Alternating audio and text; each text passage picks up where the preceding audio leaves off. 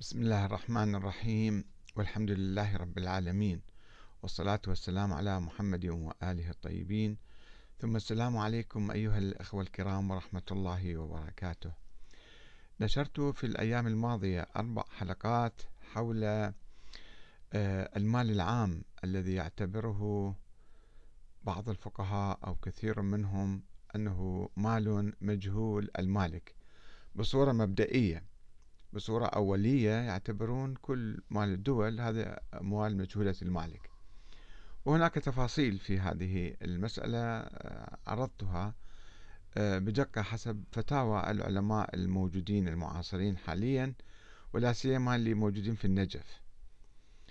يعني لم أسمع فتوى مشابهة من علماء قم لأنهم هم يحترمون الدولة الإيرانية. ولكن العلماء النجف من السيد الخوئي إلى الشيخ إسحاق الفياض إلى السيد السيستاني إلى السيد محمد سعيد الحكيم. وفتاوهم موجودة في مواقعهم. وكانوا متفاوتين فيها. بعضهم كان مثلا يقول أساسا الأموال هي مجهولة المالك ويجوز الاستيلاء عليها لأي أحد.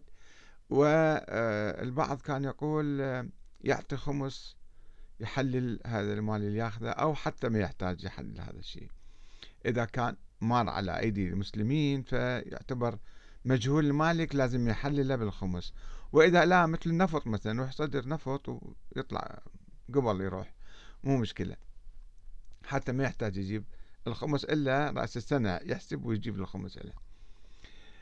فتاوى كانت يعني عجيبة غريبة وحللنا الموضوع. لم ننتقد فقط هذه الفتاوى إنما قلنا هي مركبة على عدة فرضيات وهمية أسطورية يعني. أولا نظرية الإمامة لأهل البيت أن الله جعل الأرض كلها للأئمة.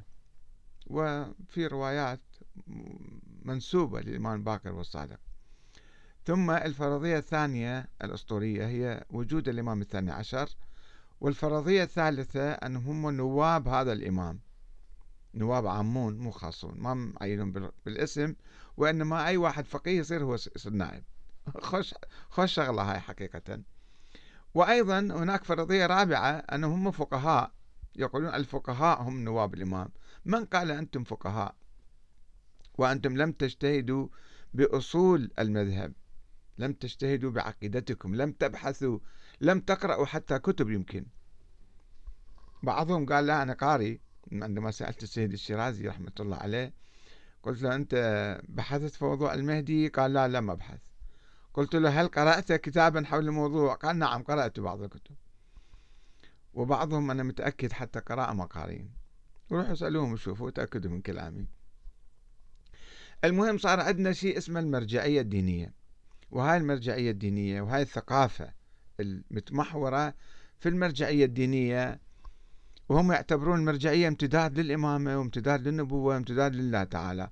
يعني هم صاروا حكام الله في الأرض. فهاي الم... هذه هذه الثقافة سلبية. يعني هي كانت طوباوية أولا مثالية أنه الحاكم الحكام بالأرض يعني رؤساء وأمراء وال... والملوك والسلاطين أيوة أي شيء يسموهم هذول يجب أن يعينهم الله مثل ما معين الأنبياء بالتاريخ فيجب أن نعين الحكام إلى يوم القيامة. هاي فكرة جدا مو معقولة. يقولون لا هاي معقولة.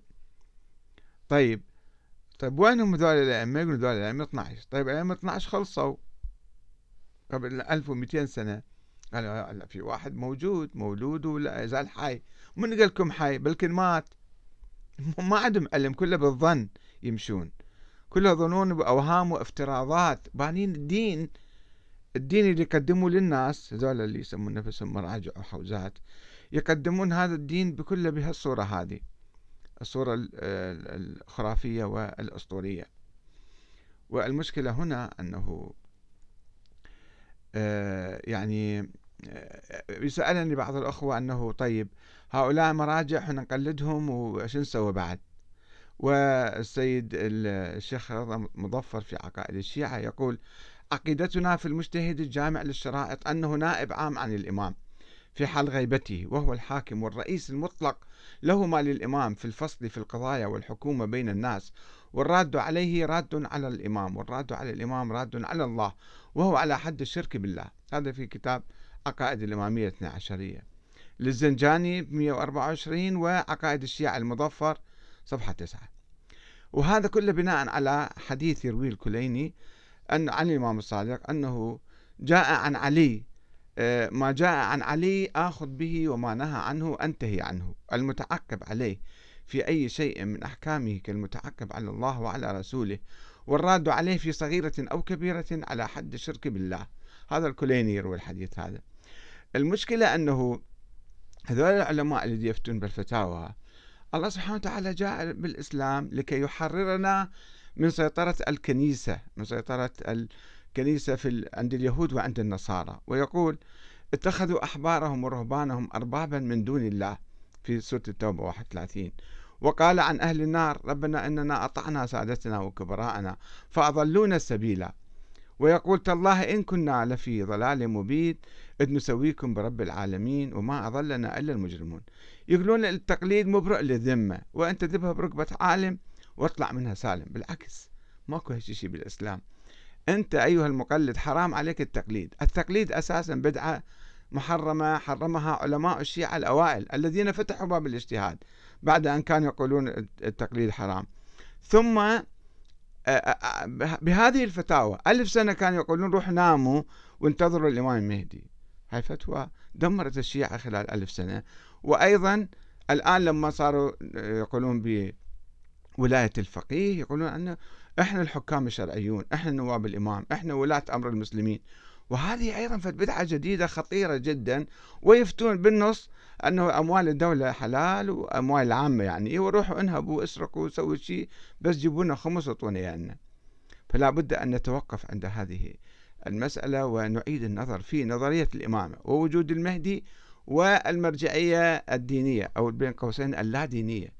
لأن لا تقوم على الدين لا تقوم على القرآن لا تقوم على العقل والمنطق. وكلها قائمة على خرافات وأساطير وفرضيات وهمية. والسلام عليكم ورحمة الله وبركاته.